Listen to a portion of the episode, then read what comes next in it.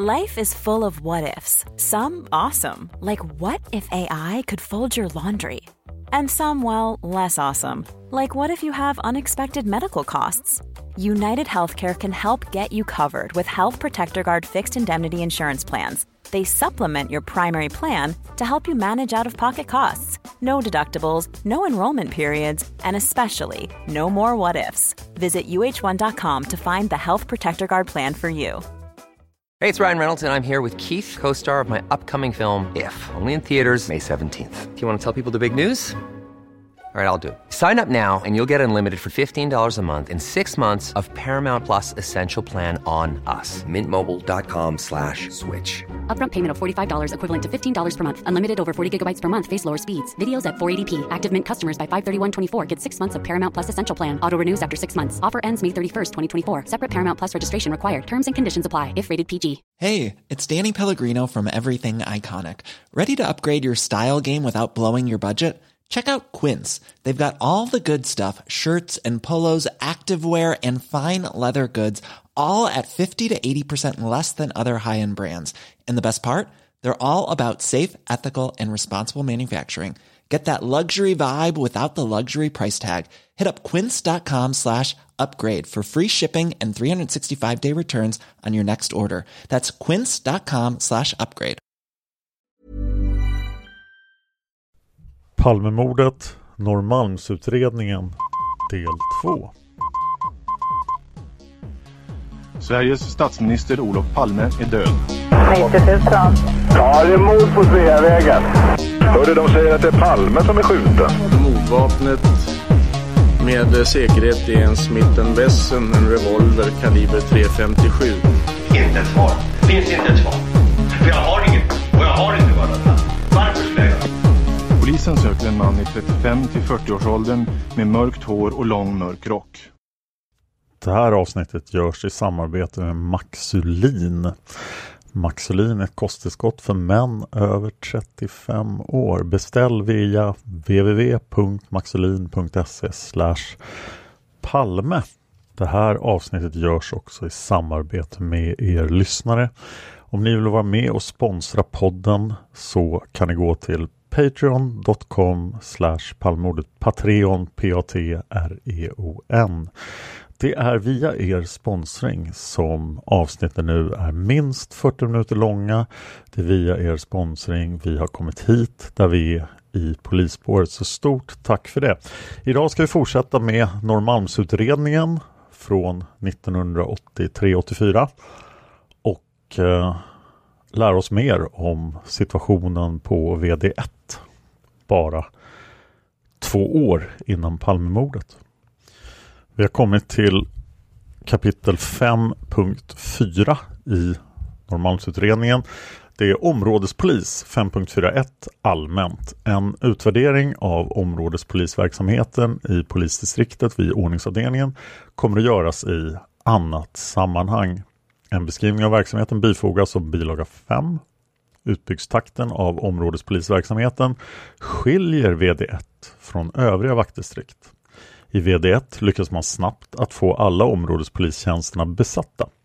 I vissa fall har man med ordningsavdelningens lednings godkännande haft fler poliser i tjänst som områdespoliser än föreskrivet antal tjänster.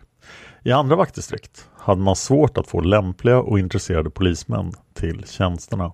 En bidragande orsak till att man så snabbt fick områdena besatta i VD1 har uppgetts vara att det blev känt att polismännen i denna verksamhet i relativt stor utsträckning kunde räkna med att tjänstgöra civila med mycket självständigt arbete. 5.42 Polisinspektör för samordning av områdespolisverksamheten. Polisinspektören för samordning av områdespolisverksamheten har en betydelsefull arbetsuppgift. Det bedöms som värdefullt att han har stor erfarenhet av områdespolisarbete. Inom VD1 har man haft svårt att få en befattningshavare att bli kvar i denna tjänst under någon längre tid. I denna funktion har sedan 30 augusti 1980 och till och med april 1984 tjänstgjort sex stycken polisinspektörer. Vissa har tagits i anspråk för vikariat under den tid som de innehaft tjänsten. Därigenom har tjänsten fått besättas med vikarie. Detta har inneburit att det har varit svårt att klara samordning och uppföljning av verksamheten. Motsvarande tjänst i andra vaktdistrikt har endast haft befattningsha en befattningshavare under samma tid, alltså de här fyra åren 1980 till 84.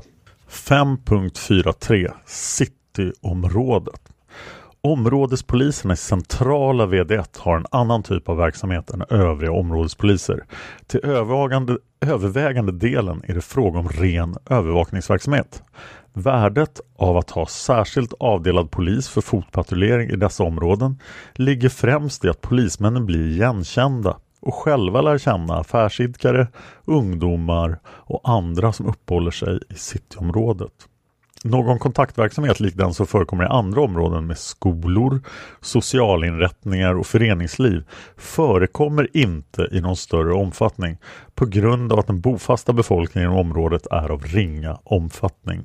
5.44 Övriga områden i övriga områden utanför citykärnan har verksamheten i stort fungerat som man från början avsett. I vissa områden har områdespoliser nyttjats som en fri resurs och tagits i anspråk för övervakningsverksamheten i de centrala delarna. Detta har främst varit aktuellt för de polismän som tidigare deltagit i G-turens GVG. Dessa områdespoliser, som alla kom till H-turen, synes inte haft möjlighet eller intresse för kontaktskapande verksamhet som områdespoliser utan i stort arbetat som man tidigare gjort i GVG. 5.5 Särskild riktad verksamhet 5.51 Allmänt Vid en ledningskonferens i början av 1982 hade polisledningen i distriktet diskuterat hur man skulle komma till rätta med det omfattande gatuvåldet, främst i de centrala delarna av polisdistriktet. Detta resulterade i att man i VD1 och VD3 tillsatte särskilda gatuvåldsgrupper, GVG, med uppgift att försöka stoppa gatuvåldet och möjliggöra att allmänheten skulle känna trygghet och inte behöva riskera att bli överfallen och misshandlad. 5.5.2 Gatuvåldsgrupper 1982 GVG Två gatuvåldsgrupper tillsattes från mars 1982 i vardera VD1 och VD3. I VD1 togs en av dessa ut från personal i G-turen och en från C-turen. Intresset för verksamheten var från början stort och ett flertal av de äldre polismännen prövade på den. De äldre polismännen i G-turen återgick efter kort tid till sina tidigare arbetsuppgifter i bland annat radiobilgruppen. Denna GVG kom därefter att bestå av i huvudsak yngre polismän. Under våren 1982 kom chefen för G-turens GVG att ägna allt mer tid åt fackliga uppdrag och från maj månads utgång lämnar han VD1 för att på heltid ägna sig åt detta. Denna GVG blev då utan fast befäl. Gruppen leddes under sommaren av polismän inom gruppen enligt polisinstruktionens förmansbegrepp. De båda grupperna kom att arbeta mycket olika.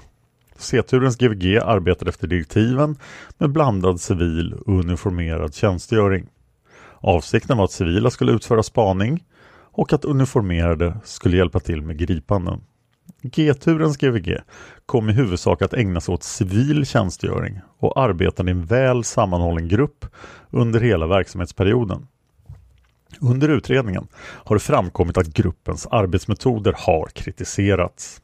Arbetskamrater i helturen klagade hos vaktdistriktsledningen och begärde att gruppens verksamhet skulle stoppas. Enskilda befäl gjorde samma sak. Kritik framfördes också från massmedia om den så kallade baseballligan. Vaktdistriktsledningen företog ej någon åtgärd för att ändra gruppens arbetsmetoder. VDC, alltså vaktdistriktschefen, har vidimerat att klagomål framförts till honom mot gruppen. Kritiken hade framförts av polismän som han uppfattade ej särskilt energiska arbetet. Han trodde först att kritiken hade sin grund i avundsjuka för att den aktuella gruppen nådde så fina arbetsresultat. Från affärsidkare fick han motta beröm för gruppens arbete i city.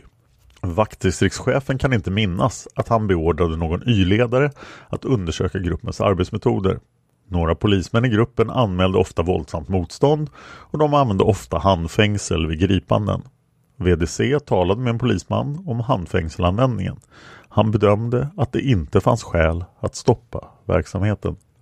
5.5.3 Gatulangningsgrupper 1983 GLG I mars månad 1983 inrättades på försök i varje vaktdistrikt så kallade gatulangningsgrupper vars huvudsakliga uppgift var att bekämpa gatulangning av narkotika. Verksamheten ska bedrivas i samarbete med andra polisiära enheter och andra myndigheter med lokal anknytning. Den har fått en annorlunda ledning och styrning än GVG-verksamheten. Den inleddes med en avpassad utbildning. Polispersonalen utom polisinspektören i grupperna ska bytas kontinuerligt. Gruppens arbete har rönt uppskattning i många sammanhang. Riktade polisinsatser mot viss brottslighet är effektiva. Polismän i GLG har uppgett att det numera är svårt att avslöja gatulangning av narkotika på allmän plats. Insatserna har sannolikt medfört att gatuhandeln har minskat i de centrala delarna av Stockholm. Ett flertal polismän har i samband med enkäterna framfört kritik mot riktade polisinsatser av typ GLG och anser att sådana insatser skapar avundsjuka bland polismän som inte får delta i verksamheten. Dessutom medför insatserna att övriga polismän tilldelas allt för enahanda arbetsuppgifter. Genom riktade insatser med särskilt uttagen personal blir sålunda möjligheten att omväxlande tjänstgöring beskuren. 5.5.4 Grupppatrullering Vid olika tillfällen och i olika sammanhang har man haft anledning att diskutera användandet av fordon i samband med övervakningstjänst. I distriktets allmänna tjänsteföreskrifter för ordningsavdelningen ACA1 nummer 634 har begreppen punktbevakning och grupppatrullering definierats. När dessa arbetsmetoder tillämpas används fordon som transportmedel. I inget av de två omnämnda fallen är det meningen att övervakningsarbetet ska fullgöras i fordonet. Utan avsikten är att patrullering ska ske till fots och fordonet ska användas för förflyttning från plats till plats. Vid grupppatrullering skall verksamheten ledas av befäl. 5.6 Organisation Den nuvarande organisationen i polisdistriktet tillkom 1972 då skapades bland annat vaktdistriktsorganisationen. Från flera håll kritiserades de stora enheterna, särskilt med avseende på koncentrationen av personal. Det kom att råda obalans mellan innerstadsdistrikten när det gällde arbetsbördan, vilket innebar att VD1 tillfördes en större personalstyrka än de två övriga vaktdistrikten. Biträdande vakthandbefäl saknas i VD2 som skiljer sig från innerstadsdistrikten även genom att det inte finns någon arrestenhet för förvaring av omhändertagna berusade personer. Dessa förs till VD1, liksom alla kvinnliga omhändertagna inom Stockholms polisdistrikt. Sen kommer lite tabeller med hur mycket folk som jobbade. 1983 var det 309 i VD1, 182 i VD2 och 228 i VD3. Alltså Östermalm är VD2 och Södermalm är VD3. Ärendemängden var 46 000 för VD1, 19 000 för VD2 och 32 800 för VD3 för 1983. Frihetsberövandena har vi redan pratat om. De var 14 608 för VD1, 3504 för VD2 och 9358 för VD3. Vid intervjuerna har man klart uttalat att antalet poliskommissarier i den yttre tjänsten bör ökas från 3 till 4 man har ansett det lämpligt att poliskommissarie i yttre tjänst följer ett mindre antal tjänstgöringsturer och inte som nu alternerar över alla turer. En sådan ordning skulle effektivisera ledningen av den yttre verksamheten genom att kommissarierna alltid skulle ha bra personalkännedom. 5.7 Lokaler 5.7.1 Allmänt Lokalerna som tilldelas vaktdistriktets huvudstation är väl tilltagna och motsvarar behovet. Vissa förändringar är dock önskade och nödvändiga. Redan när VD1-stationen byggdes framfördes mycket kraftig kritik mot att behöva transportera omhändertagna i hiss. Det bedömdes öka risken för yrkesskador och våld. Även arrestenhetens utformning och utrustning har kritiserats. De så kallade OT-rummen har varit föremål för behovsundersökning. Vakthavande befäls placering på annat våningsplan än arrestenheten har kritiserats. 5.7.2 Arrestenheten Arrestenheten har en kvinnlig och en manlig avdelning. Till den kvinnliga avdelningen förs alla kvinnor som omhändertas med, omhändertas med stöd av LOB inom hela polisdistriktet. Medan man i den manliga avdelningen förvarar företrädesvis personer som omhändertas med, stad, med stöd av LOB inom VD1 och VD2. Undantag för de personer som omhändertas på Djurgården under sommarmånaderna. Även personer omhändertagna med stöd av LOB i andra VD förvaras ibland i VD1. Anledningen till att man i VD2s lokaler inte förvarar berusade personer som omhändertagits inom vaktdistriktet är en överenskommelse som har träffats mellan byggnadsstyrelsen och hyresvärden om att inte förvara berusade personer i dessa lokaler. Intaget i arrestenheten i VD1 är beläget i våningsplanet under vilket innebär att de frihetsberövade måste transporteras i hiss. Under lång inkörningsperiod fungerade hissarna dåligt. Förhållandet med hissarna har försvårat införandet av de frihetsberövade till arrestenheten. De har vid hisstransporten ytterligare möjlighet att göra motstånd, till exempel genom att fatta tag i detaljer vid hissöppningen eller tillgripa våld med våldsanvändning som följd. Vid enheten beslutar biträdande vakthavande befäl om den omhändertagne ska kvarhållas. Arrestenheten är inte så utformad att biträdande vakthavande befäl fortlöpande kan övervaka alla avvisiteringsplatser. Utöver polismän tjänstgör även vaktkonstaplar i arrestenheten. Som regel finns inte vaktkonstaplar eller poliser i sådan omfattning att polismän som omhändertagit en person genast efter ankomsten till arrestenheten kan lämna över den införde till annan personal. Därför svarar polismän som utfört omhändertagandet ofta själva såväl avvisitering som införande i cellerna. Den interna tv-övervakningsutrustningen av arrestintag och hissar är av mindre god kvalitet. Därigenom är möjligheten begränsade att via denna utrustning följa händelserna i arrestintaget och hissarna. Och det här tycker jag faktiskt skildras väldigt bra i filmen I lagens namn som jag har rekommenderat jättemånga gånger. Den ger en väldigt bra bild av våldsamma polisers möjlighet att missbruka sådana här saker i VD1. Tillbaka till rapporten 5.7.3 OT-rummen. SL har sedan många år vid vissa T-banestationer ställt rum till tunnelbanesektionens förfogande. Rummen är avsedda som tillfällig förvaringsplats för frihetsberövade personer i avvaktan på att transport till polisstation kan ordnas.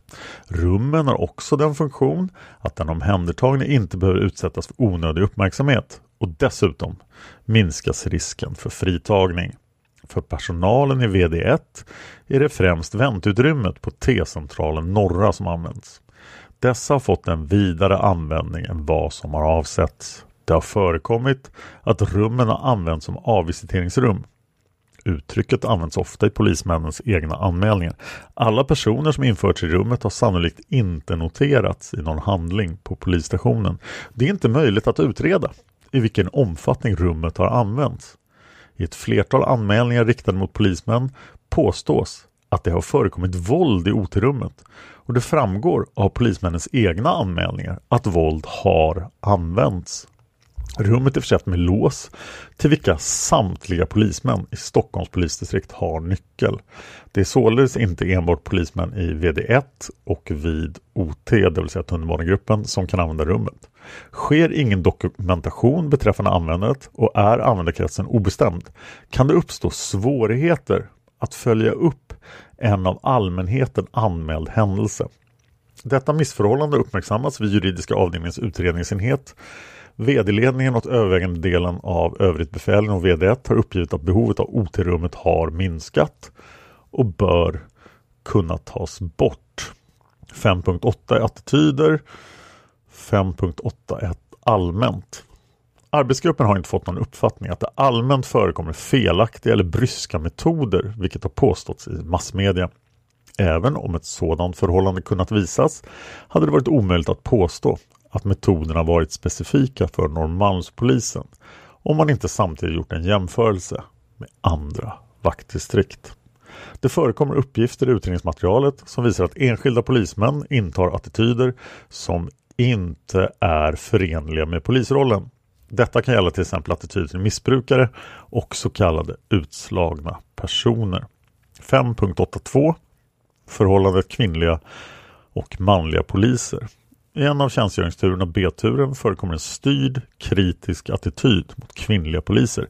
Förhållandet är numera känt även utanför Stockholms polisdistrikt. Det förekommer att extra polismän under grundutbildningen på Polishögskolan diskuterar förhållandet i Norrmalms B-tur. I B-turen finns en kvinnlig, kvinnlig polis som har funnit sig till rätta. Hon har företrädesvis inre tjänst, arrestvakt och receptionstjänst. Hon har avsagt sig svaromål som befäl. 5.9 Våldsanvändning. Beträffande våldsanvändning hänvisas till bilaga 6 och punkt 6.9 och den kommer vi återkomma till. 5.10 Utbildning. 5.10.1 Allmänt. Utbildningssektionen. Vid administrativa byrån, förkortas AU, är polisdistriktets centrala organ för planering av fortbildningsverksamheten. I vaktdistrikten leds utbildning av polisinspektören på expeditionen. Vid Norrmalmspolisen har, vilket tidigare angetts under punkt 5.3, arbetsuppgifterna i sådan omfattning att man var tvungen att förstärka expeditionen för att klara arbetet med den återkommande fortbildningen. Vid enkätsvaren har det framkommit att polismännen ansett att de har inte fått tillräcklig utbildning, främst vad avser ny lagstiftning, där man allt för sent erhållit utbildning eller information om förändringarna. 5.10.2 Etik Etikutbildningen aktualiserades tidigt inom polisen och redan på 1950-talet myntades de fyra håna hänsyn, hövlighet, hjälpsamhet och humor. Många av de intervjuade unga poliserna har uppgivit att de inte har deltagit i någon form av etikutbildning. 5.10.3 Självskydd Under något år har i Stockholms polisdistrikt prövats en aktiv självskyddsutbildning. Den har tillkommit efter krav från polismän i VD1. AU har i samråd med bland annat huvudskyddsombudet utformat ett utbildningspaket för polismän vid O och K. I VD1 har närvaron vid självskyddsutbildningen varit mycket låg. Självskyddsutbildningen har tidigare bedrivits i VD1 på polismännens initiativ och egen bekostnad. Kapitel 6 Daterat till 1984-09-24 Överväganden och förslag. 6.1 Allmänt. I detta avsnitt framlägger arbetsgruppen sina överväganden med förslag till lösningar mot bakgrund av den gjorda probleminventeringen. Under varje punkt kommer i de fall det bedöms möjligt att lämna synpunkter på hur och när förslagen kan genomföras. 6.2 Arbetsledning och ledningsorganisation. 6.2.1 Inledning. Ledningsorganisationen har blivit föremål för närmare undersökning. Utredningens resultat visar att arbetsledningen inte alltid fungerar tillfredsställande i VD1. I enkätsvaren framkom uppgifter som visar att kontrollverksamheten inte alltid fungerade i alla turer. Det fanns heller inte några klara regler för vilken omfattning civila kläder skulle användas. Avgörande för att verksamheten i ett VD av normal storlek ska fungera är att arbetsledningen är effektiv, kunnig och kan arbeta ihop på ett bra sätt. Dessutom måste uppföljningen av verksamheten tillmätas stor betydelse. Arbetsledningen ska kunna ingripa innan någon allvarlig händelse inträffar. I de fall brister enligt utredningens mening förekommit i dessa avseenden eller på annat sätt redovisas dessa under respektive avsnitt. 6.22 Distriktsledning Arbetsgruppen har funnit att distriktsledningen i vissa fall har varit passiv och inte vidtagit åtgärder för att komma till rätta med förhållanden som den borde ha ingripit mot. Det gäller bland annat gatuvåldsverksamheten 1982 och den verksamhet som en av GVG kom att bedriva 1983 som områdespoliser. Det gäller våldsanvändningen, det gäller Y-ledarnas roll och det gäller motståndet mot kvinnliga poliser i B-turen. VDC har i sin verksamhetsberättelse avseende 1982 särskilt redovisat verksamheten med gatuvåldsgrupper. Enligt redovisningen hade GVG fungerat väl och varit mycket effektiva. Inga problem i något avseende redovisades i skrivelsen som dagtecknades 1983 01 15. Vid den tidpunkten måste emellertid ledningen ha varit medveten om de problem som en av GVG orsakade och de arbetsmetoder som gruppen arbetade med. Här avses civiltjänstgöringen, besök i så kallade kvartar, ingripande mot ordningsstörningar under civiltjänstgöring, omfattningen av distraktionsslag och handfängsel vid våldsanvändning och den anmärkningsvärt höga frekvensen av rapporter om våld och hot mot tjänsteman och våldsamt motstånd. Det är anmärkningsvärt att den aktuella GVG under lång tid kunde få arbeta utan fast befäl. En polisinspektör borde ha lett gruppen och inte som nu skedde av den äldste obefordrade polisassistenten. Då flera poliser arbetar tillsammans i grupp är det viktigt att det finns ett befäl som leder gruppens arbete. VDC, alltså vaktdistriktschefen, har för arbetsgruppen uppgivit att han läste alla rapporter som GVG lämnade varför han inte kan ha varit omedveten om de arbetsmetoder som användes. Han har i ett fall påtalat att det ofta förekom handfängsel. I övrigt har han inte vidtagit några åtgärder för att ändra de arbetsmetoder som användes och som arbetsgruppen har funnit anledning att kritisera. Sedan OC beslutade att GVG skulle upphöra kom i huvudsak samma poliser att i grupp fortsätta GVG-verksamheten fast nu som områdespoliser. Den avslutning som gruppens arbete fick och som av flera poliser i VD1 hade befarats hade sannolikt kunnat förhindras av vaktdistriktsledningen. Polismännen borde till exempel inte ha tillåtits arbeta tillsammans efter upplösningen. Eftersom de aktuella polismännen tilläts att tjänstgöra i samma tur borde ett minimikrav ha varit att de inte skulle få arbeta tillsammans i grupp utan befäl. För att ett vaktdistrikt av Norrmalms storlek ska kunna fungera väl krävs att högsta arbetsledningen kan samarbeta. Men med arbetsledningen avses här samtliga kommissarier. Det är arbetsgruppens uppfattning att vd-ledningen inte har utnyttjat de yttre kommissarierna på ett effektivt och riktigt sätt. Förutsättningarna för ett väl fungerande samarbete, ledning och yttre kommissarier har varit dåliga. Bland annat på grund av personliga motsättningar mellan ställföreträdande vaktdistriktschefen och samordnande Y-ledaren. Särskilt märkbart måste detta bli vid vikariatsituationer. Det är anmärkningsvärt att förhållandet i ledningen har varit så bristfälligt som framkommit under utredningen. Någon särskild tillsyn av skilda verksamhetsgrenar synes inte ha förekommit. Arbetsgruppen har fått intrycket att vissa av verksamhetsgrenarna i VD1 har fått sköta sig själva. Verksamheten har inte fått en styrning och ledning som är nödvändig för att ett bra resultat ska kunna uppnås. Arbetsgruppen framför kritik mot vd-ledningen i följande avseenden. 1. Passivitet vid uppföljning av GVG-verksamheten och en av gruppernas fortsatta verksamhet som områdespoliser. 2. Bristande uppföljning av våldsanvändningen. 3. Yttre kommissarier har ej tagits i anspråk i tillräcklig omfattning. 4. Motståndet mot kvinnliga poliser i B-turen har ej brutits. Vaktdistriktsledningen har begärt och fått önskemål om förflyttning tillgodosedda. Det finns därför inga skäl för arbetsgruppen att överväga några förslag om förändringar med anledning av vad som framkommit under utredningen. Sen fortsätter 6.3 att prata om vikten av Y-ledarna och det stycket avslutas med det kan finnas behov av utökning av antalet Y-ledartjänster i VD1 vilket framförts av företrädare för personalen. Arbetsgruppen föreslår att frågan utreds närmare med hänsyn bland annat till omorganisationen eller till organisationen i andra vaktdistrikt och arbetstidens förläggning. Det bedöms dock som angeläget att den samordnande Y-ledaren ges en högre lönesättning än vad som nu är fallet. Denna befattning bör höjas till samma nivå som ställföreträdaren. 6.2.4 handlar om vakthavande befäl. Det är en svår, ansvarsfull och mycket viktig funktion att vara vakthavande befäl. Svårighetsgraden, ansvaret och funktionens betydelse ökar fullt naturligt i takt med att antalet tjänstemän ökar. Personaltätheten i VD1 är mycket stor. Vakthavande befäls arbetsuppgifter finns reglerade i allmänna tjänsteföreskrifter. En viktig arbetsuppgift är att vara arbetsledare och i den rollen ligger bland annat att lämna råd och stöd åt personalen och att jämte övriga befäl övervaka, lära känna och följa personalen i deras arbete och vid behov rätta till felaktiga beteenden, attityder och arbetsmetoder. Han ska genom sin personal inhämta information om förhållanden och händelser som han ska föra vidare till vaktdistriktsledningen.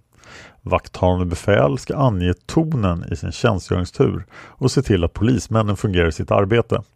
Han ska också föra fram distriktsledningens intentioner till personalen, ägna intresse åt etiska frågor och nytillkomna polismän samt skapa acceptabla umgängesformer. I VD1 är inte vakthavande befäls tjänsterum ändamålsenligt. Det är mycket svårt att övervaka verksamheten i arrestenheten. Någon förbättring av rumsfrågan för vakthavande befäl synes inte vara möjlig utan stora lokalförändringar och kostnader. Vakthavande befäls möjlighet att följa och nå sin personal ute på fältet har varit begränsade eftersom all radiokommunikation skett via ODL. Arbetsgruppen har funnit att vakthavande befäl i vissa tjänstgöringsturer inte har full kontroll över personalen.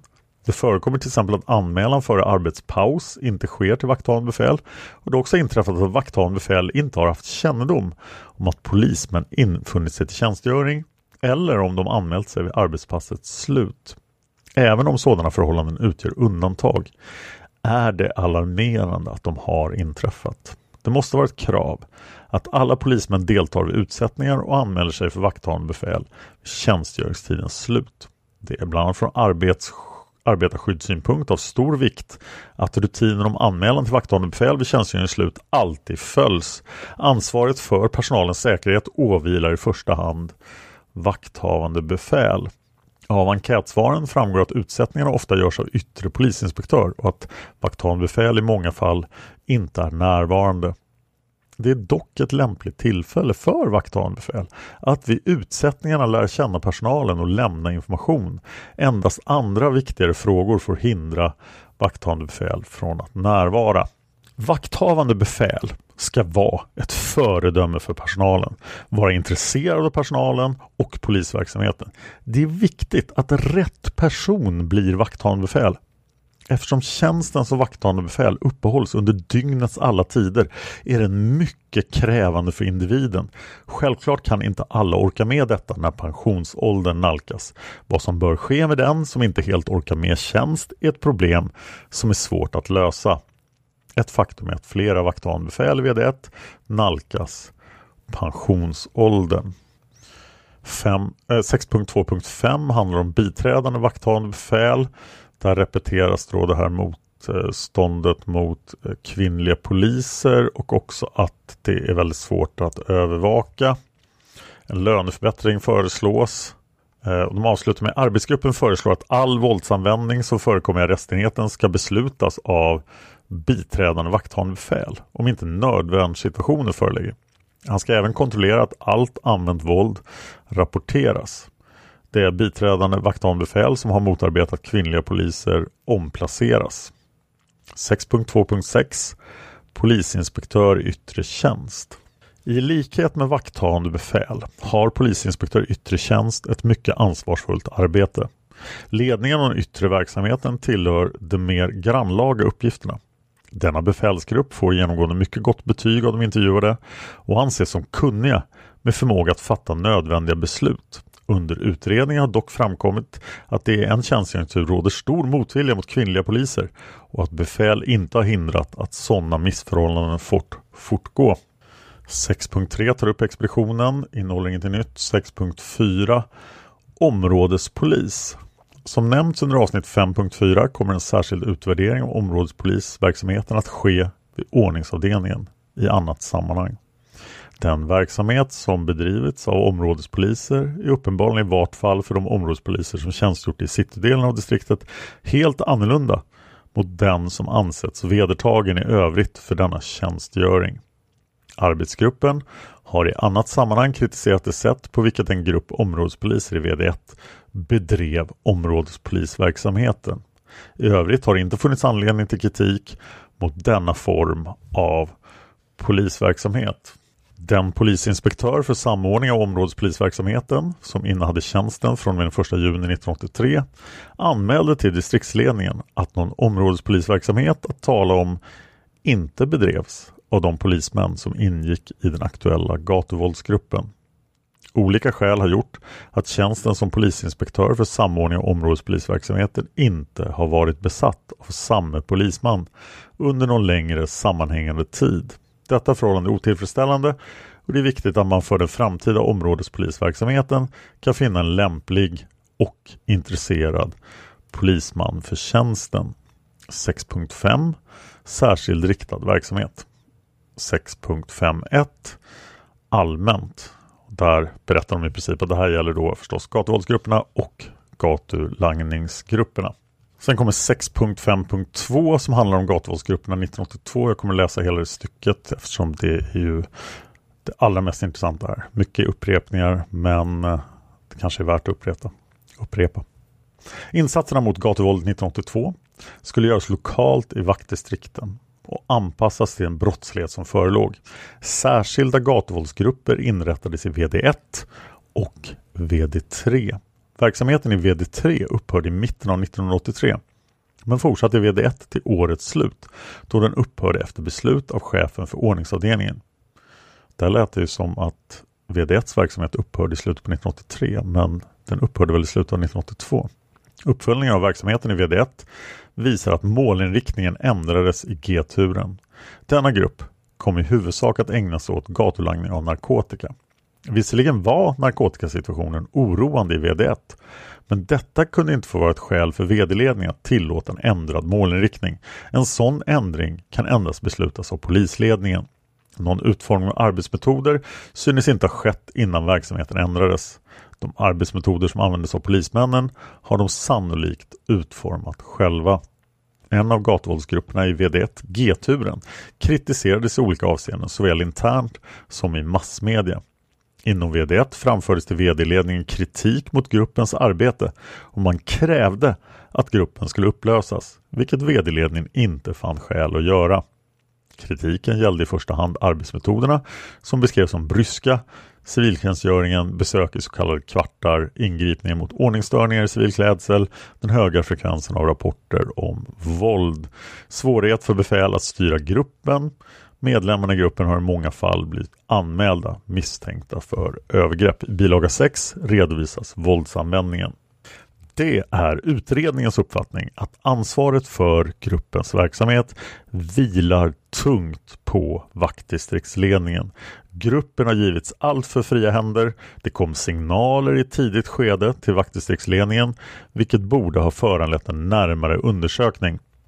Ett förhållande som borde ha rättats till utan närmare undersökning var att gruppen under lång tid arbetade utan befäl. Gruppens medlemmar var då hänvisade till sig själva och kunde utforma sina arbetsmetoder utan att dessa kunde ifrågasättas av ett ansvarigt befäl. Gruppen synes ha haft vd-ledningens förtroende och fick arbeta självständigt. Y-ledare som tillfrågas har uppgivit att de inte har känt något ansvar för gruppens arbetare eller gruppens arbete. Gruppen tjänstgjorde inte parallellt med något av arbetslagen i VD1. Medlemmarna i gruppen placerades som områdespoliser efter upplösningen. Det är förvånande att polismännen i gruppen även efter denna upplösning tilläts tjänstgöra tillsammans. Även vid många av dessa tillfällen har gruppen arbetat utan befäl, vilket även var fallet vid det tillfälle då de flesta av gruppens medlemmar anhölls för bland annat olaga tvång i oktober månad 1983 och det är då Skeppsholmsmålet. Det är arbetsgruppens mening att detta inte hade behövt inträffa om vd-ledningen hade förhindrat att polismännen fått arbeta i grupp utan befäl. Den kritiserade gatuvåldsgruppens arbete ledde till en förbättring av ordningsläget. Positiva och uppskattade synpunkter framfördes bland annat från affärsidkare till vd-ledningen. Av enkätsvaren framgår också att gruppens arbete var effektivt och bidrog till bättre ordning. Utredningens uppfattning är även att gruppen utförde bra arbete men kritiken gäller arbetsmetoderna och den riktar sig i första hand mot vd-ledningen som lämnade gruppen att sköta sig själv. Enkätsvaren visar att polismännen i stor omfattning anser att det ur skyddssynpunkt inte är lämpligt att ingripa mot ordningsstörningar i civil klädsel. 70 procent, det vill säga 104 stycken av de tillfrågade, har ansett att ingripande mot ordningsstörningar medför större risk för våldsanvändning när man är civil. 50 procent, 46 stycken, av de tillfrågade ansåg sig kunna spåra en förklaring till ökad våldsanvändning genom att man i ökad omfattning ingriper mot ordningsstörningar civilt klädd. Arbetsgruppen har i enkätsvaren fått stöd för sin uppfattning att ingripande mot ordningsstörningar i första hand ska göras i uniform. Om civiltjänstgöring måste användas som arbetsmetod ska den stödjas av uniformerad personal. En av GVG arbetar efter ett sådant mönster och den fungerade enligt uppgift mycket bra. Utredningen har i annat sammanhang kommenterat våldsanvändningen punkt 6.9. Punkt 653 handlar om gatulangningsgrupperna. Eh, där är allt bra. Punkt 6, 654 är grupppatrullering. Främst vid grupppatrulleringen finns risk för att polispersonalen stannar kvar i fordon i avvaktan på att något ska hända. Detta kan inte vara stimulerande och utvecklande för den enskilde polismannen. Ofta blir bara de polismän som sitter närmast en dörr i tillfälle att ingripa medan övriga i fordonet bara blir vittnen. Förhållandet skapar anonymitet och ger inte enskilda polismän möjlighet att komma i kontakt med allmänheten. Erfarenheten av verksamheten på detta område visar att man kan ha missuppfattat begreppet grupppatrullering och åkt omkring i polisfordon i tron att detta har varit riktigt. Arbetsgruppen föreslår att begreppen närmare klargörs. 6.6 Organisation 6.61 Allmänt Omorganisationen 1972 innebar att antalet vaktdistrikt minskade från 13 stycken till 6 stycken. Norrmalms vaktdistrikt fick det största antalet befattningshavare och trots att vakanserna var många krävdes i början en minskning av personalstyrkan. Bland annat hävdades att man borde ha valt en organisation med sju vaktdistrikt och ett av dessa skulle vara ett rent citydistrikt bestående av dåvarande VD1 Gamla stan och VD4 Klara. Från fackligt håll krävdes en organisationsöversyn 1976 men det ansågs då att den nya organisationen fungerat för kort tid för att man ska kunna göra en meningsfull utvärdering. I den nu gjorda undersökningen av förhållandena på Norrmalms vaktdistrikt framkommer inga direkta skäl som talar för att en organisationsförändring Here's a cool fact. A crocodile can't stick out its tongue. Another cool fact, you can get short-term health insurance for a month or just under a year in some states. United Healthcare short-term insurance plans are designed for people who are between jobs, coming off their parents' plan, or turning a side hustle into a full-time gig. Underwritten by Golden Rule Insurance Company, they offer flexible, budget-friendly coverage with access to a nationwide network of doctors and hospitals. Get more cool facts about United Healthcare short-term plans at uh1.com. Millions of people have lost weight with personalized plans from Noom, like Evan, who can't stand salads and still lost 50 pounds. Salads generally for most people are the easy button, right? For me, that wasn't an option. I never really was a salad guy. That's just not who I am. But Noom worked for me. Get your personalized plan today at Noom.com. Real Noom user compensated to provide their story. In four weeks, the typical Noom user can expect to lose one to two pounds per week. Individual results may vary. Here's a cool fact. A crocodile can't stick out its tongue. Another cool fact, you can get short-term health insurance for a month or just under a year in some states. United Healthcare short-term insurance plans are designed for people who are between jobs, coming off their parents' plan, or turning a side hustle into a full-time gig. Underwritten by Golden Rule Insurance Company, they offer flexible, budget-friendly coverage with access to a nationwide network of doctors and hospitals. Get more cool facts about United Healthcare short-term plans at uh1.com. skulle vara. Personalen anser att det inte finns något behov av att minska vaktdistriktet, vare sig geografiskt eller personalmässigt. Det kan emellertid vara av intresse att i detta sammanhang undersöka olika organisatoriska lösningar för att se vilka konsekvenser som kan följa. Ett viktigt skäl är att se om det är möjligt att minska personalkoncentrationen och ärendemängden i vaktdistriktet. 6.6.2 Alternativa lösningar. Följande tre lösningar har arbetsgruppen diskuterat. 1. Överflyttning av vissa övervakningsområden från VD1 till VD2. 2. Överflyttning av vissa funktioner till andra enheter. 3. Bibehållen organisation. En geografisk förändring bör syfta till att minska problemen och personalstyrkan i Norrmalms vaktdistrikt. Det kan dock innebära att problemet bara flyttas till ett annat vaktdistrikt. Som framgår av tabellen under avsnitt 5-6 skulle cirka 12 000 ärenden överföras till VD2 från VD1 för att en utjämning ärendemässigt mellan de tre innerstadsdistrikten skulle komma till stånd. En geografisk förändring för att nå fram till ett sådant mål kan sannolikt uppnås om man drar gränsen mellan VD1 och VD2 på Drottninggatan, vilket skulle innebära att allt öster därom förs till VD2. Övervakningsområdena Q, R, S, U, V, X och Y har tillsammans en ärendemängd för 1983 som omfattar 12 071 ingripanden. Jag vet inte vad de här övervakningsområdena är för någonting. Jag fortsätter ur rapporten. Den tänkta geografiska ändringen skulle ha givit följande ärendestatistik och då kommer en ärendestatistik där det är ungefär lika många ingripanden på VD1, VD2 och VD3. En gränsdragning enligt alternativ 1 skulle enligt arbetsgruppens mening medföra både för och nackdelar. Fördelarna skulle vara att man når en balans mellan innerstadsdistrikten både vad avser ärendemängd och personaluppsättning. Nackdelarna är emellertid avsevärda. 1.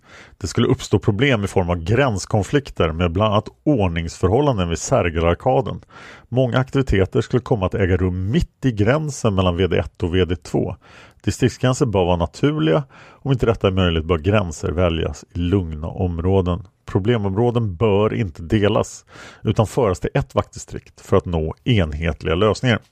2. I VD2 finns inga möjligheter att förvara berusade personer. Dessa förs idag till VD1. Även vid en justering av vaktdistriktgränserna skulle problemet finnas kvar. Överenskommelsen med hyresvärden innebär att inga berusade får förvaras i VD2.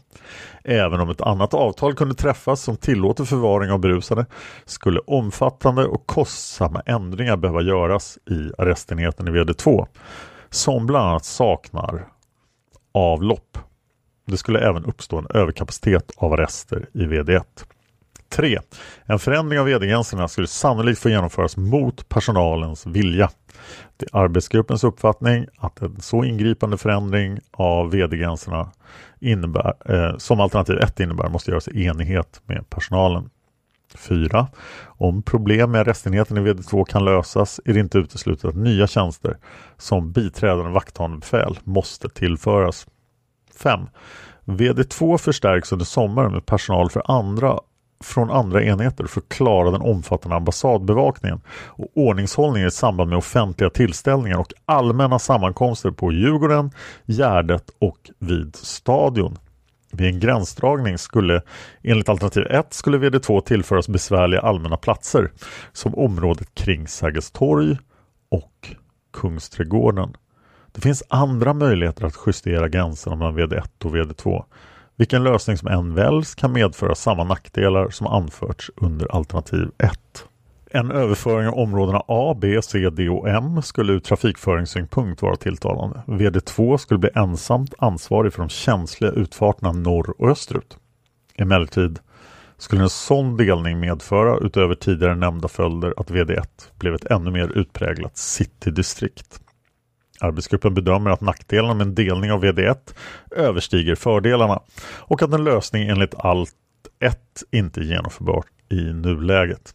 En sådan skulle medföra stora svårigheter och kostnader. Det är bättre att ta tillvara de fördelar som kan finnas i ett stort vaktdistrikt. En lösning enligt alternativ 2 anser arbetsgruppen vara möjlig. Alternativ 2 var alltså att flytta vissa funktioner ut från VD1. Jag fortsätter ur rapporten. Det har tidigare i samband med en omorganisation av länets polisdistrikt föreslagits att hundpolisverksamheten ska överföras till ytterdistrikten. För VD1 skulle detta innebära att hundförare flyttas till annat VD. Piketstyrkan består av 12 inspektörer och 52 polisassistenter inklusive ersättare. Piketpersonalen är inte på samma sätt knuten till ett vaktdistrikt. En flyttning behöver inte innebära någon större förändring av piketpersonalens arbetsförhållanden. Även i fortsättningen skulle piketen få tjänstgöra i bland annat VD1. En flyttning av piketstyrkan skulle dock innebära praktiska svårigheter med bland annat planeringen av övervakningsverksamheten. Behovet av piketstyrkan är störst i VD1 Arbetsgruppen anser inte rationellt att låta piketen inställa sig i VD2 för att därefter förflyttas till företrädesvis VD1 för tjänstgöring. Det är bekant för arbetsgruppen att piketpersonalen motsätter sig en flyttning. Risk föreligger att personal skulle lämna piketen vid beslut om flyttning. Möjligen skulle även rekryteringssvårigheter kunna uppstå. Arbetsgruppen har funnit att nackdelarna överväger fördelarna med en flyttning och kan i detta avseende inte föreslå någon ändring. Arbetsgruppen har även övervägt att föreslå en flyttning av centralstationens övervakningsstyrka till tunnelbanesektionen. Men då detta inte kommer innebära någon större lättnad för VD1 framläggs inte något sådant förslag. VD1 skulle oavsett var personalen var placerad få handlägga alla ärenden som inträffar på centralstationen. Sen pratar de om de här lokalerna igen, men det har vi redan pratat om. Och det slutar med arbetsgruppen tillstyrker den i annat sammanhang föreslagna flyttningen av hundpolisverksamheten från VD1. 6.7 Lokaler 6.71 Allmänt Arbetsgruppen är mycket kritisk mot att frihetsberövande måste transporteras i hiss. Sen vill de bygga den här rampen vid centralstationen. Den har vi också pratat om. Eh, Eh, Vakthavande befäls lokaler olämpligt placerade men de går inte att flytta. Sen kommer 6.7.2 arrestenhet. Intaget till arrestenheten med hiss som enda förbindelse upp till arrestenheten är mycket otillfredsställande och medför stor risk för skador för polis omhändertagna. Risken för en våldsutveckling ökar i slutskedet av ett frihetsberövande när tröttheten kommer och irritationen kanske är stor. Ska en frihetsberövad i denna slutfas behöva transporteras i hiss ligger det mycket nära att våld utlöses. Det framgår av punkt 5.9 att under 1982 och 1983 förekommit 88 fall av våldssituationer i hissarna. Det förefaller rimligt att anta att flera fall av våld och våldsamt motstånd kunde ha undvikits om frihetsberövade inte hade behövt transporterats i hiss. Arbetsgruppen tycker att det här måste ändras och de föreslår också att bevakningsutrustningen måste bytas. 6.7.3 OT-rummen. Eh, de repeterar fakta om OT-rummen och sen säger arbetsgruppen Arbetsgruppen föreslår att användandet av OT-rummet på T-central Norra upphör och att övriga liknande utrymmen kartläggs. 6.8 Attityder 6.8.1 Allmänt. Här repeteras då att arbetsgruppen inte har hittat några dåliga attityder som regelmässigt förekommer. 6.82 Kvinnliga och manliga poliser. I samband med enkäterna har såväl manliga som kvinnliga poliser berättat om förhållandet till de kvinnliga poliserna i en tjänstgöringstur. Med anledning av uppgifterna så lämnas arbetsgruppen och motståndet till kvinnliga poliser i B-turen har detta missförhållande närmare utretts. Bland annat har vaktdistriktsledningen närmare fått redogöra för vad den känt till. Särskilda samtal har hållits med ett antal kvinnliga poliser som kommit i kontakt med förhållandet i denna tur. Befälen har delgivits uppgifterna och fått lämna sin synpunkt och följande anser arbetsgruppen vara styrkt. Fem punkter. 1. Motståndet mot kvinnliga poliser i B-turen är uttalat. 2. Vaktdistriktsledningen har inte lyckats lösa problemet. 3. Den kvinnliga polis som senast placerades i turen begärde omedelbart förflyttning, vilket beviljades. 4. I turen finns en kvinnlig polis som funnit sig till rätta som arrestvakt och receptionstjänstgörare 5. Inga kvinnliga poliser i B-turen får tjänstgöra i radiobil. En kvinnlig polis har till arbetsgruppen uppgivit att yttre befälet i turen skulle aktivt arbeta för att hon inte skulle kunna bli hundförare om hon hade detta önskemål. Arbetsgruppen har inte haft någon anledning att ifrågasätta de lämnade uppgifterna. Vakthavande befäl har inte vidtagit någon åtgärd för att ändra på missförhållandet. Några kvinnliga poliser har uppgett att det bara var att stå ut med förhållandena och inte vara så känsliga. Till utredningen har framförts att det skulle vara omöjligt att ändra på förhållandet i B-turen. Men detta kan arbetsgruppen inte acceptera. Det är ett allvarligt missförhållande som råder i B-turen. Och även om inte alla som tjänstgör i turen är motståndare till kvinnliga poliser måste förändringar ske Arbetsledarnas inställning anses vara den direkta orsaken. Arbetsgruppen delar denna uppfattning. Genom att kvinnliga poliser inte skulle få utöva viss tjänstgöring som till exempel radiobilstjänst skulle de hindras i sin utveckling och inte få möjlighet till befordran. En snabb förändring måste ske i denna fråga. Förslag Kvinnliga poliser placeras i turen i samma omfattning som i andra turer. Uppföljning av besluten sker genom distriktsledningen, förslag till åtgärder mot biträdande vakthavande befäl och yttre polisinspektör C 6.2.5 och 6.2.6. 6.9 Våldsanvändning Sammanfattning av bilaga 6 Våldsanvändning Samtliga anmälningar som upprättats i VD1 om våld, hot, om våld mot tjänsteman och våldsamt motstånd har granskats. Ett stort antal polismän har intervjuats och personer som kritiserat polisens arbetsmetoder har tillfrågats för att arbetsgruppen skulle få underlag för en bedömning av våldsanvändningen i VD1. Av utomstående personer har kriminolog Leif GW Persson och hovrättsjuristen juristen Ingemar Rexed tillfrågats men de har inte kunnat bidra med några uppgifter av värde för utredningen. Enskilda händelser har inte bedömts i arbetsgruppen. Det har inte heller framkommit några sådana som inte tidigare varit kända och i vanlig ordning utretts vid juridiska avdelningen eller av justitieombudsmannen. Det har gjorts en jämförande undersökning av anmälningen om våld, hot om våld mot polisman och våldsamt motstånd i andra vaktdistrikt.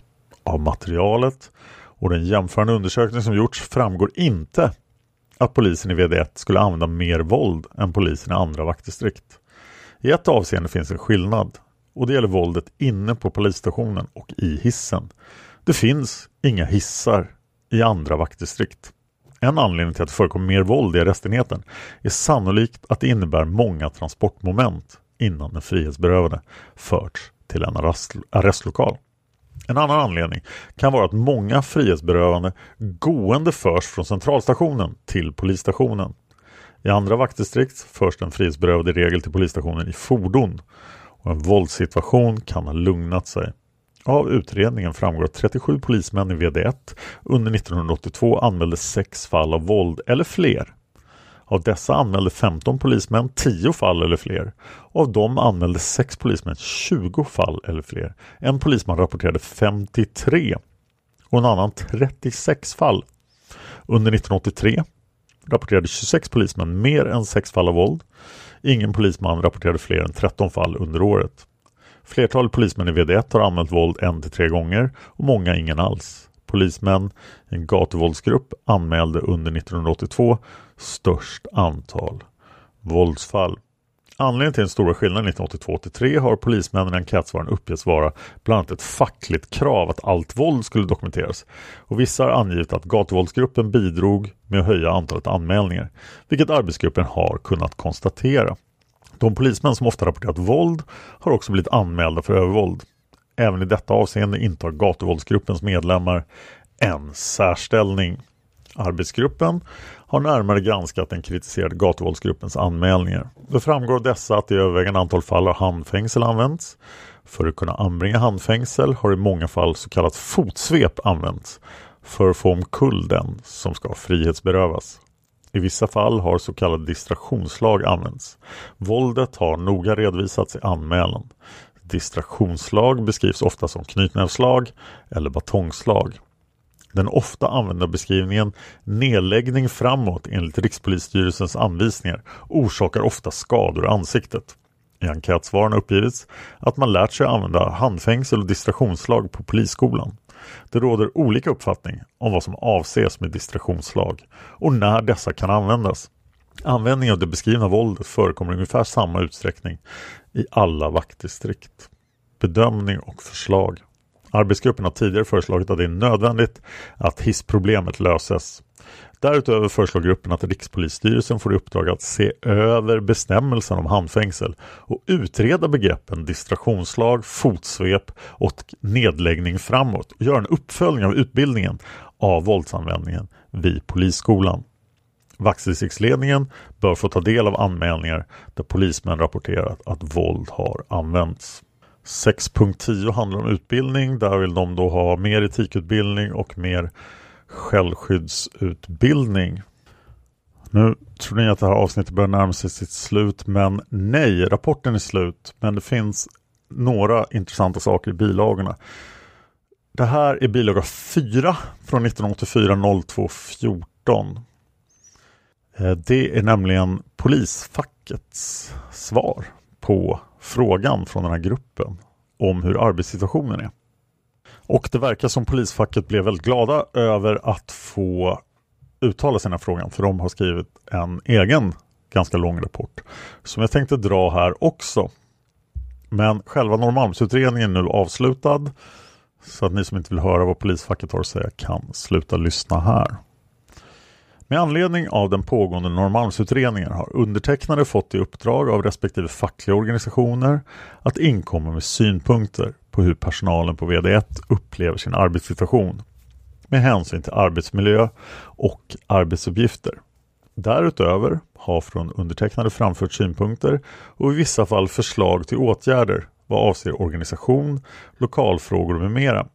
Vi gör ej anspråk på att vara uttömmande utan vill mer kortfattat påtala vissa förhållanden. Arbetsmiljön. Den bofasta befolkningen inom VD1 utgörs av cirka 85 000 invånare. Antal resenärer som under en normal vardag reser in till Norrmalms vaktdistrikt var under 1982 cirka 400 000 buss, bil och tunnelbana. Denna summa är beräknad från trafikräkning som SL gjort vid samtliga infarter inklusive tunnelbanan. Antalet resenärer som reser in till Norrmalms vaktdistrikt via centralstationen var under samma tid cirka 70 000.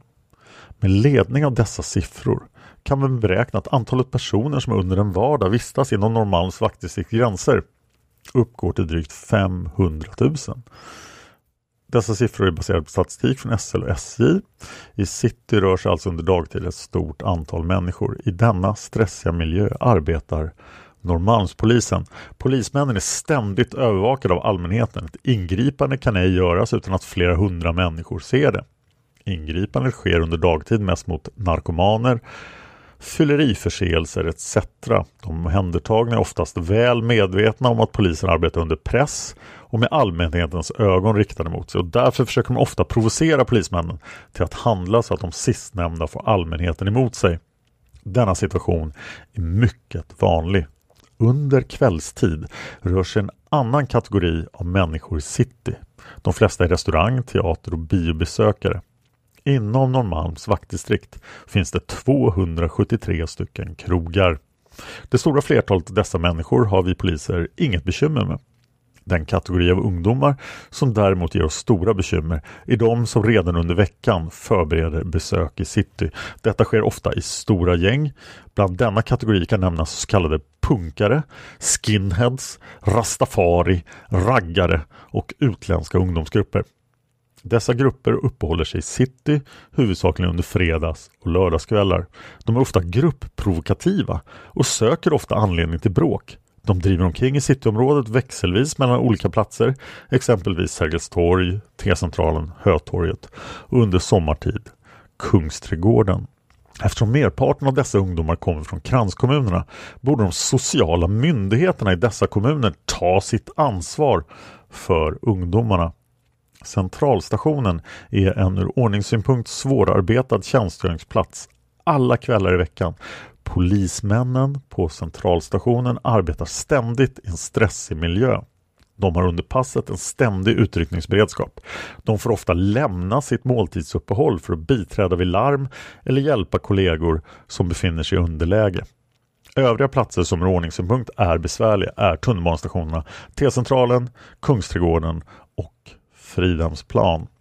Under sommarhalvåret, maj till oktober, förekommer ett stort antal raggarbilar i den så kallade raggarrundan och vid Norrtull. I en raggarbil åker ofta fyra till fem personer. Den enda som är nykter är föraren. Vid ett ingripande mot en raggarbil stannar ofta ett tiotal andra bilar för att hjälpa den stoppade bilen.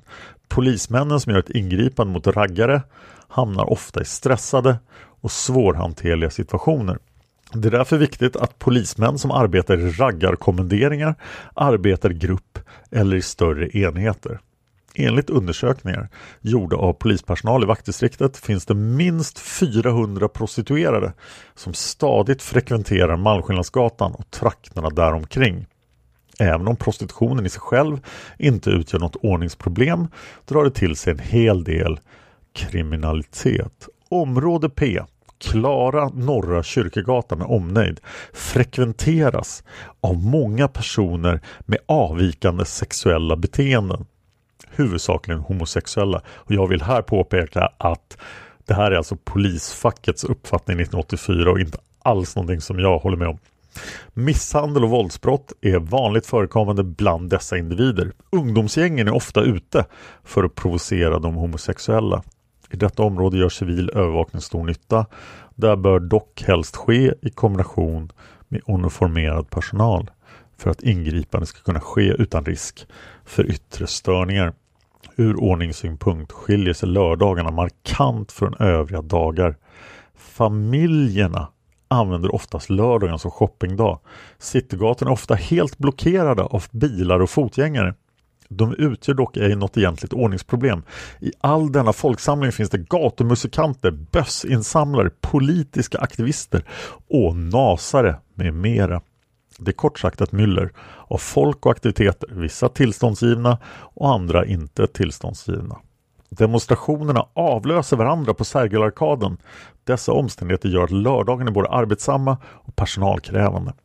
Det senare gäller framförallt övervakningen av allmänna sammankomster, vilket innebär att andra övervakningsuppgifter måste åsidosättas och detta uppfattas ofta negativt av polispersonalen.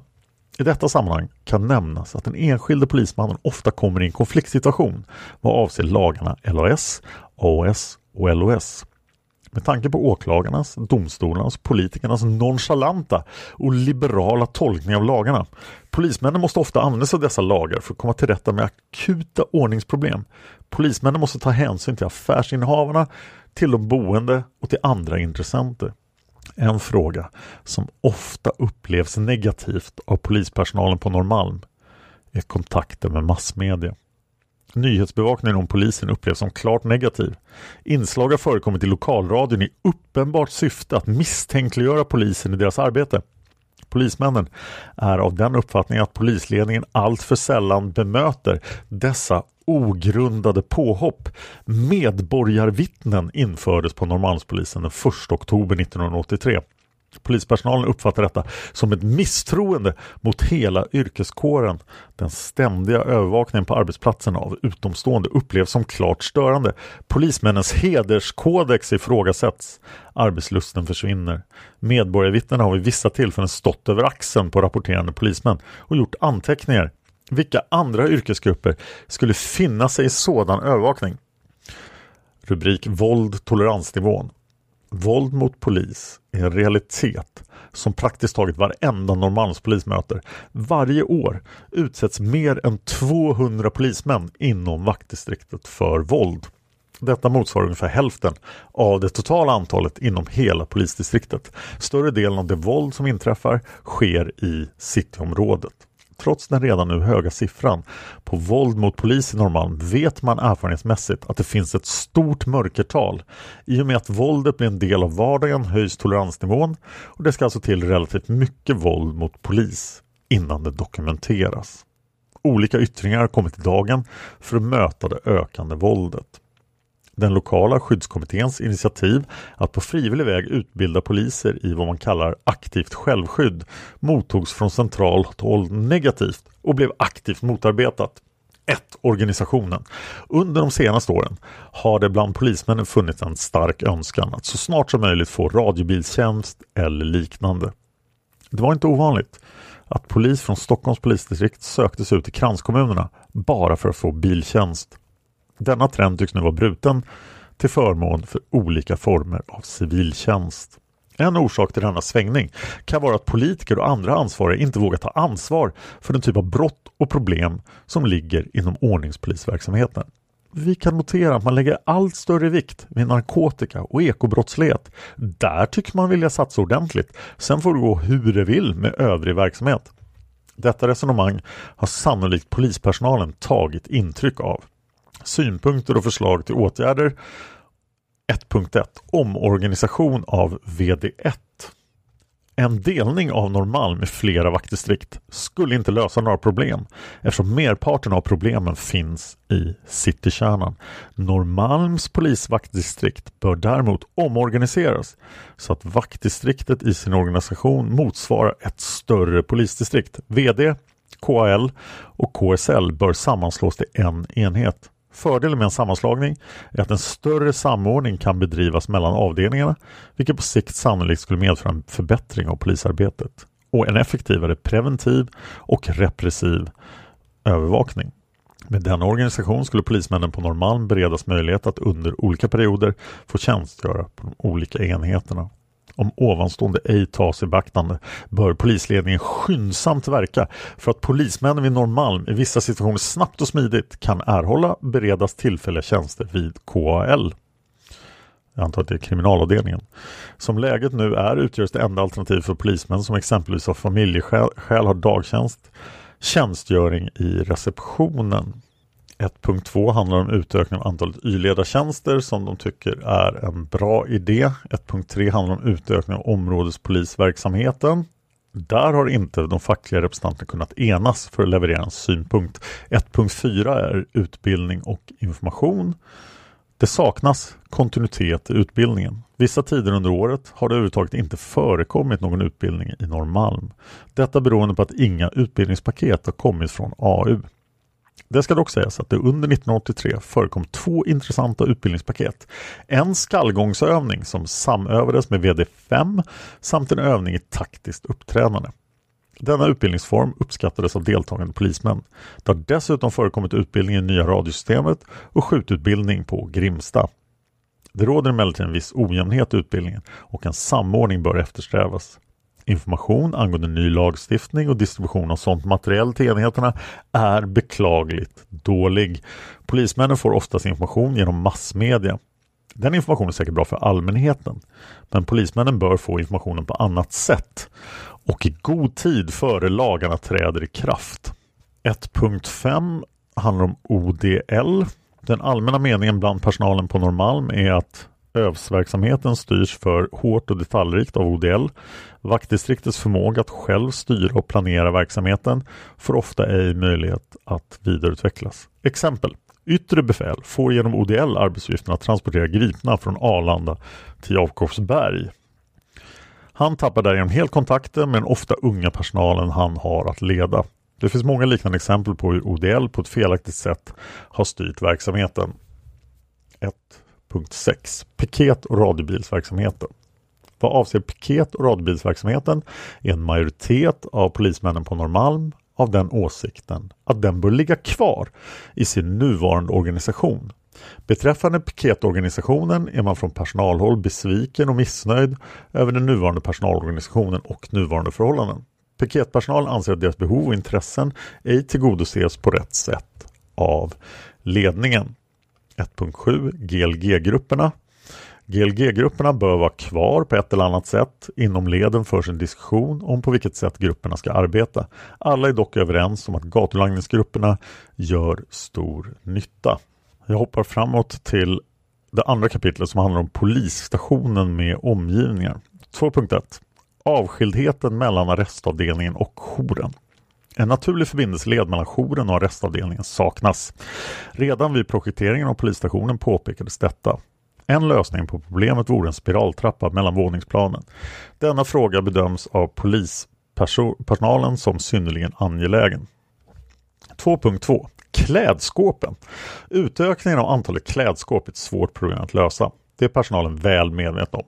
Det råder dock stort missnöje beträffande klädskåpens storlek och antal. Även om problemet verkar svårlöst bör det ej vara olösligt. I sammanhanget bör påpekas de bestämmelser som finns angående personalrum, personalrum för personal med nedsmutsande arbete. Där ska det finnas möjligheter till skilda förvaringsutrymmen för arbetskläder respektive civila kläder. 2.3 Restaurangen Restaurangen i kvarteret Pennfäktaren förefaller ej vara avsedd för skiftestjänstgörande personal. Kvälls och nattjänstgörande personal saknar möjlighet att få lagad mat. Polismännen förespråkar en längre öppethållande tid på restaurangen samt en bättre service på matautomaterna under den tid restaurangen är stängd. 2.4 Parkeringsproblemet för personalen. Polismännen har idag ofta stora problem med att få parkeringsplatser till sina fordon därför att alla platser oftast är upptagna. Detta gäller framför allt till tjänstgöringspassen börjar mellan klockan 09.00 och 15.00. Problemet tog bli ännu större när området mellan Klara strand och Blekholmsgatan upphör som parkeringsplats. Polisledningen bör därför skyndsamt verka för att polismännen erhåller parkeringsmöjligheter i närheten av polisstationen. Under framförallt sommartid använder många polismän cykel och motorcykel till arbetet. Varför även deras parkeringsproblem måste lösas. 2.5 parkeringsproblemet för tjänstefordon. Det nya hotellbygget i anslutning till polisstationen och den omständigheten att det endast finns en utfart från garaget kommer att medföra stora trafikstörningar då det gäller tjänstefordonens in- och utfart.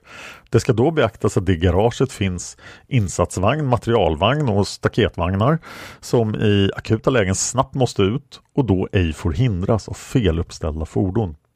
Nya möjligheter till uppställning av tjänstefordon måste beaktas.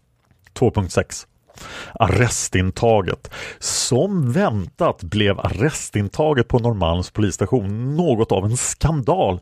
Det är idag många gånger svårt att komma ner och in i garaget.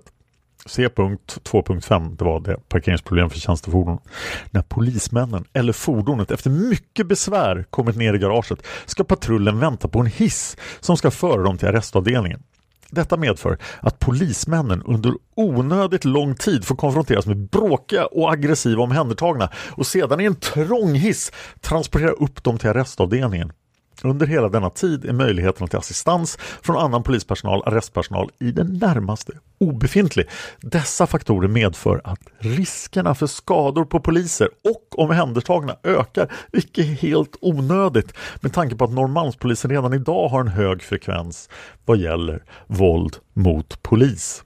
Garage och hissproblemet förbättrar inte alls detta förhållande. Det är därför ett mycket starkt krav att man från ansvarigt håll även på denna punkt rättar till sitt byggmisstag och förslagsvis ordnar en ramp i samma nivå som arrestavdelningen. Möjligheterna till att få en ramp uppförd torde vara goda om man inte funderar och planerar för länge utan mer till att den byggs i samband med överdäckningen av SJs spårområde. Del 3. Speciella problem kommenderingarna. De flesta stora kommenderingar, demonstrationer, statsbesök med mera berör på ett eller annat sätt Norrmalms vaktdistrikt. Polismännen får ofta den uppfattningen att personaluttaget är för stort i förhållande till arbetsuppgiften. Uttagen verkar ske av slentrian. Kommenderingscheferna kontaktas sällan av polisledningen vad avser synpunkter beträffande personaluttaget kontra uppgiftens genomförande. Kommenderingschefens synpunkter måste kunna beaktas på ett bättre sätt. Han ska själv kunna avgöra kommenderingens storlek och genomförande. En bättre bevakning från JTs sida vore också önskvärd så att inte tillståndsgivna aktiviteter sammanfaller, vilket tyvärr numera ofta är fallet. 3.2 Bevakning av andras objekt. På senare tid har det alltmer förekommit att polispersonal från Norrmalm har kommenderats till Stockholms tingsrätts säkerhetssalen för bevakning av rättegångar där grövre brottslingar stått åtalade. Så har även varit fallet när säkerhetssalen har varit utlånad till andra kommuners tingsrätter. Polisdistrikten borde i dessa lägen till huvuddelen sörja för bevakningen. Samma problem uppkommer i samband med bevakning av gripna eller annars frihetsberövade som vårdas på sjukhus. För säkerhetskonferensen har det byggts upp en särskild polisstyrka. Det har dock redan nu visat sig att denna styrka inte alls räcker till Anmärkningsvärt är att denna situation uppstår redan i februari innan semestrar och dylikt. VD1 ska tydligen som vanligt klara av även denna brist i planeringen. Vi lär även drabbas hårt så fort det krävs en höjning av beredskapen i samband med till exempel ett besök av en prominent person eller vid diskussion av någon delikatare fråga. Och detta kommer sannolikt gå ut över personalen, i synnerhet nu när övertidsbegränsningarna gäller. Med anledning av detta anser vi att man antingen tillför OCB personal i tillräcklig omfattning eller också överför hela OCBs verksamhet till VD1 så att denna kan ingå i den normala planeringen. 3.3 Krogbråken Som tidigare nämnts finns det 273 krogar inom VD1. Det absoluta flertalet utgör i sig inget problem ur polisiär synpunkt. Man kan dock notera att till dessa krogar dras en speciell typ av problem. Besökarna kommer för att göra sig en glad kväll. Många har innan de åker in till city druckit en del och stöter då ibland på problem när de ska in på krogen. De blir inte insläppta. De kräver då som skattebetalare polishandräckning för att komma in. Då vi talar om för dem att vi inte kan hjälpa dem in på krogen är konflikten ofta ett faktum.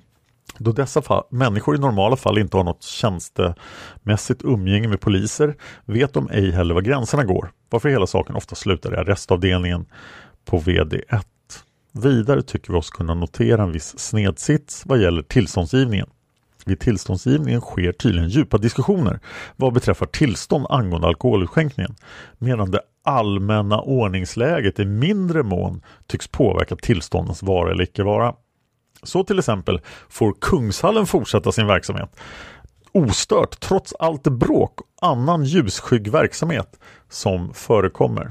Det sista kapitlet handlar om gruppatrullering i övsbussar, utmärkning av fordonuniformer, fordon, utrustning, förändringar allting är, har följande underskrift. Huvudskyddsombudet M Gunnarsson har tagit del av gruppens arbetsmaterial och lämnat uppgifter angående våld, toleransnivån inom Norrmalms polisvaktsdistrikt. Som tidigare nämnt är rapporten på intet sätt heltäckande. Många frågor har kanske redovisats summariskt men vi hjälper gärna till att utveckla dessa ytterligare. Vi hoppas därför på fortsatta kontakter under utredningens gång. Karl-Lennart Nilsson, Evert Kalén och Göran Storm. Och jag kommer nu att eh, lämna ut hela den här Norrmalmsutredningen till mopparkivet som nog har den redan i och för sig. Men ni kommer kunna hitta den på, på mopparkivet så ni kan läsa hela den här utredningen för sig själv. Det finns flera bilagor som jag inte gick in på nu för jag vill inte göra mer än två avsnitt. Det här avsnittet har redan blivit väldigt långt. Så nu är det dags att ta oss an en till av bokstavspoliserna. I nästa avsnitt pratar vi om Polisman C. Palmemordet finns på Facebook och Youtube. På Facebook kan ni skicka meddelanden till både mig och Tobias. För vi bevakar bägge två den gruppen. Den här podcasten samarbetar också med Nextory. Om ni går till nextory.se kampanjkod och skriver koden PALME får ni 30 dagars gratis tillgång till Nextory. Jag har startat en ny podd. Den heter Mördarpodden. Den gör, ja det är en till mordpodd. Jag gör ju seriemördarpodden och massmördarpodden. Men Mördarpodden gör jag tillsammans med Josefin Molén som medverkade i Palmevandringsavsnittet i år. Och även har gjort avsnitten om kniven i Delsbo i seriemördarpodden. Jag och Josefin pratar om mordfall i allmänhet, vi pratar om försvinnanden och podden är lite mer lättsam än mina övriga mordpoddar. Och så vi, vi tillåter oss att ha lite roligt när vi pratar om mord. Det tycker inte alla om. Så om ni tycker att man inte kan skämta om mord. Det finns en hel genre med mordpoddar som görs av komiker där folk skämtar då. Och det är det vi har försökt göra lite grann.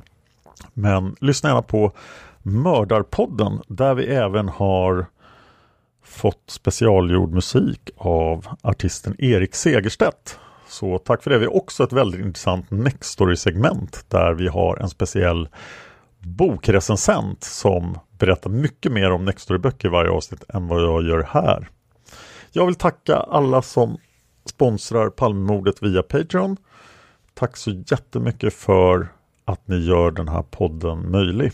Och tack till alla er också som lyssnar på Palmemordet. Man hittar Palmes mördare om man följer PKK-spåret till botten. Därför att ända sedan Julius Caesars tid har jag aldrig hört talas om ett mord på en framstående politiker som inte haft politiska skäl. Polisens och åklagarens teori var att han ensam hade skjutit Olof Palme. Och det ledde också till rättegång. Men han frikändes i hovrätten.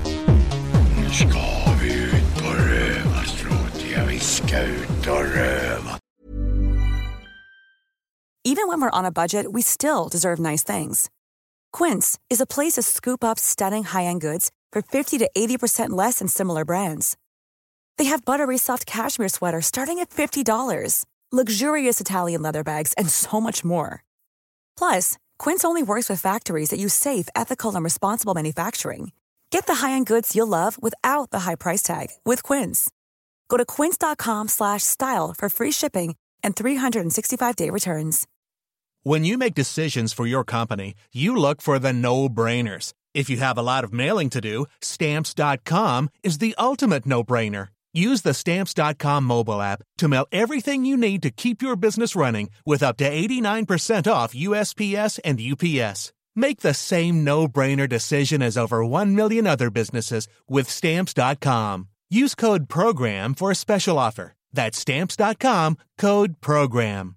Are you ready for truly hydrated skin? Meet Hyaluronic Body Serum, a breakthrough in body care from Osea. It's clinically proven to instantly increase hydration by 161%. Their lightweight, fast absorbing serum delivers 24 hours of nonstop hydration for silky smooth skin without the sticky afterfeel. Osea's latest innovation combines the magic of their best-selling hyaluronic sea serum with a new formula that's good for the whole body and five types of hyaluronic acid to target every layer of the skin. Osea is a women-founded, women-led brand that's been crafting seaweed-powered products for nearly 30 years. The best part? Everything Osea makes is clean, vegan, cruelty-free, and climate-neutral certified, so you never have to choose between your values and your best skin. Treat your skin to clean, vegan skincare from Osea. Get 10% off your first order site-wide with code SUMMER at OseaMalibu.com. That's O-S-E-A Malibu.com code SUMMER.